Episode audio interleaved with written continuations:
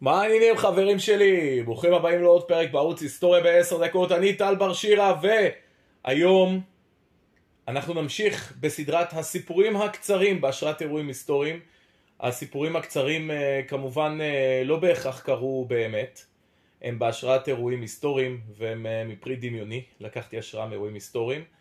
אז אני הולך להציג היום את הסיפור השלישי בסדרת הסיפורים שהם יהיו חלק מספר שאני עתיד לכתוב בשנה הקרובה. ובלי הרבה הקדמות חברים, מספיק חפרתי, בואו נתחיל. על האש ולאונרד כהן. לא יודע איך הפכתי לכאילו גיבור. אני החייל השלומפר הזה עם המכנס ב' שתמיד קצר מדי או ארוך מדי, ללא גומיות בנעליים, שתמיד הולכות לי לאיבוד.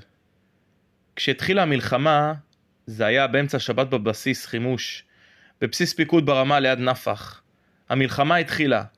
בדיוק לאחר כמה דקות בהם טעיתי, מהיכן באו כל החתולים לבסיס. החתולים התחילו לחדור גם לחדר האוכל.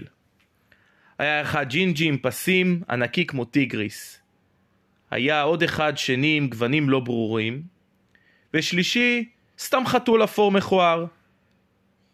שלושת החתולים האלה היו בפרונט, בפרונט שלי. והיו עוד המוני חתולים שפשוט פלשו בהמוניהם לחדר האוכל. בין המגשים הם הסתובבו, בין העוף והצלי בקר בשבת ותפוחי אדמה הקשים החצי מוכנים עד הסוף. חשבתי על כמה החתולים מציקים עד שהתחילה האזעקה. האזעקה מפלחת האוויר. ביום כיפור בבסיס. הייתי ש"ג של הבסיס ליד נפח כי הייתי רק חימושניק אפרורי, בזמן שרוב הבסיס היו חיילים קרביים שנשלחו לחזית הקדמית יותר. במהלך המשך המלחמה הייתי אחד מהחימושניקים מתוך חבורה נוצצת שעוברת בין בסיסים ברחבי הארץ, בודקת מה הרוס ומחלקת ציוד, אם בכלל היה לנו.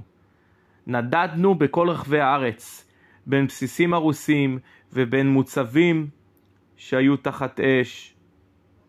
בכל מקום אליו הלכנו, היה ריח חזק של אבק שרפה ועשן מדורה מצד שני, שפשוט נדבק למדים, הריח הזה, תבינו, נדבק למדים של החיילים כשהייתי פוגש. אני לא אשכח את היום בו הרגשתי גיבור במלחמת יום כיפור, ולו לרגע אחד. זה היה היום בו איזה זמר קנדי בשם ליאונרד כהן הגיע והפתיע את החיילים בדיוק בזמן הנדידה שלי סביב הבסיסים והמוצבים עם המפקד שלי ושאר הצוות. זה היה בשאר המשך. מדהים כמה ריח אבק שרפה ועשן מדורה מקבלים ניחוח מתוק יותר כשעשן סמוך ליד הוא לא של אבק ואש, אלא רק ניחוח של דג בקלה מצרי על האש, לצד תרנגולת שסחבו מאיזה לול נטוש. עוף נוסח מלחמת יום כיפור.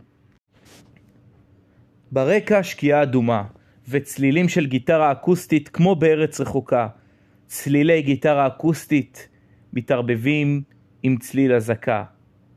אזעקה ורעש של מטוסי מיגים. כולם להשתטח! מה שהיה אחר כך זה לא היה קול של פצצה, אלא רעש של חיה זוחלת על הארץ. נחש עפרפר בתוך החולות. הנחש התקרב דווקא לזמר הקנדי, ואני זכיתי בפעם הראשונה במאמץ המלחמתי להרגיש משמעות, כשבאינסטינקט תפסתי את קצה זנב הנחש. אמרתי לליאונרד הזה, danger, snake! הנחש הסתובב אליי, ושעה אחר כך שכבתי בבית חולים לצד כל הפצועים הגיבורים. פצועים גיבורים, ואני הדביל בבית חולים כי הקיש אותי נחש. מצד שני, היי, אני הצלתי את ליאונרד כהן. כשליאונרד כהן בא לבקר אותי בבית החולים והודה לי, הוא שאל מה יוכל לעשות בשבילי. אמרתי לו שרק בפעם הבאה שיפגוש את החיילת, אורה ויינגרטן, שימסור לה שאני גיבור ויקדיש לה את השיר סוזן. זהו חברים, תודה רבה שהקשבתם לעוד סיפור בסדרת הסיפורים הקצרים, ספר של סיפורים קצרים שאני כותב בהשראת אירועים היסטוריים, ספר אה, עתיד לצאת בעוד שנה, משהו כזה. תודה רבה חברים, שבוע הבא עוד סיפור קצר ולאחר מכן נמשיך בפרקים ההיסטוריים הרגילים.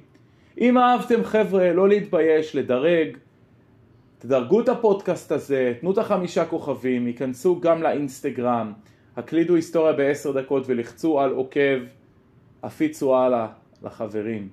תודה רבה נטי טל, ונתראה בשבוע הבא. תודה.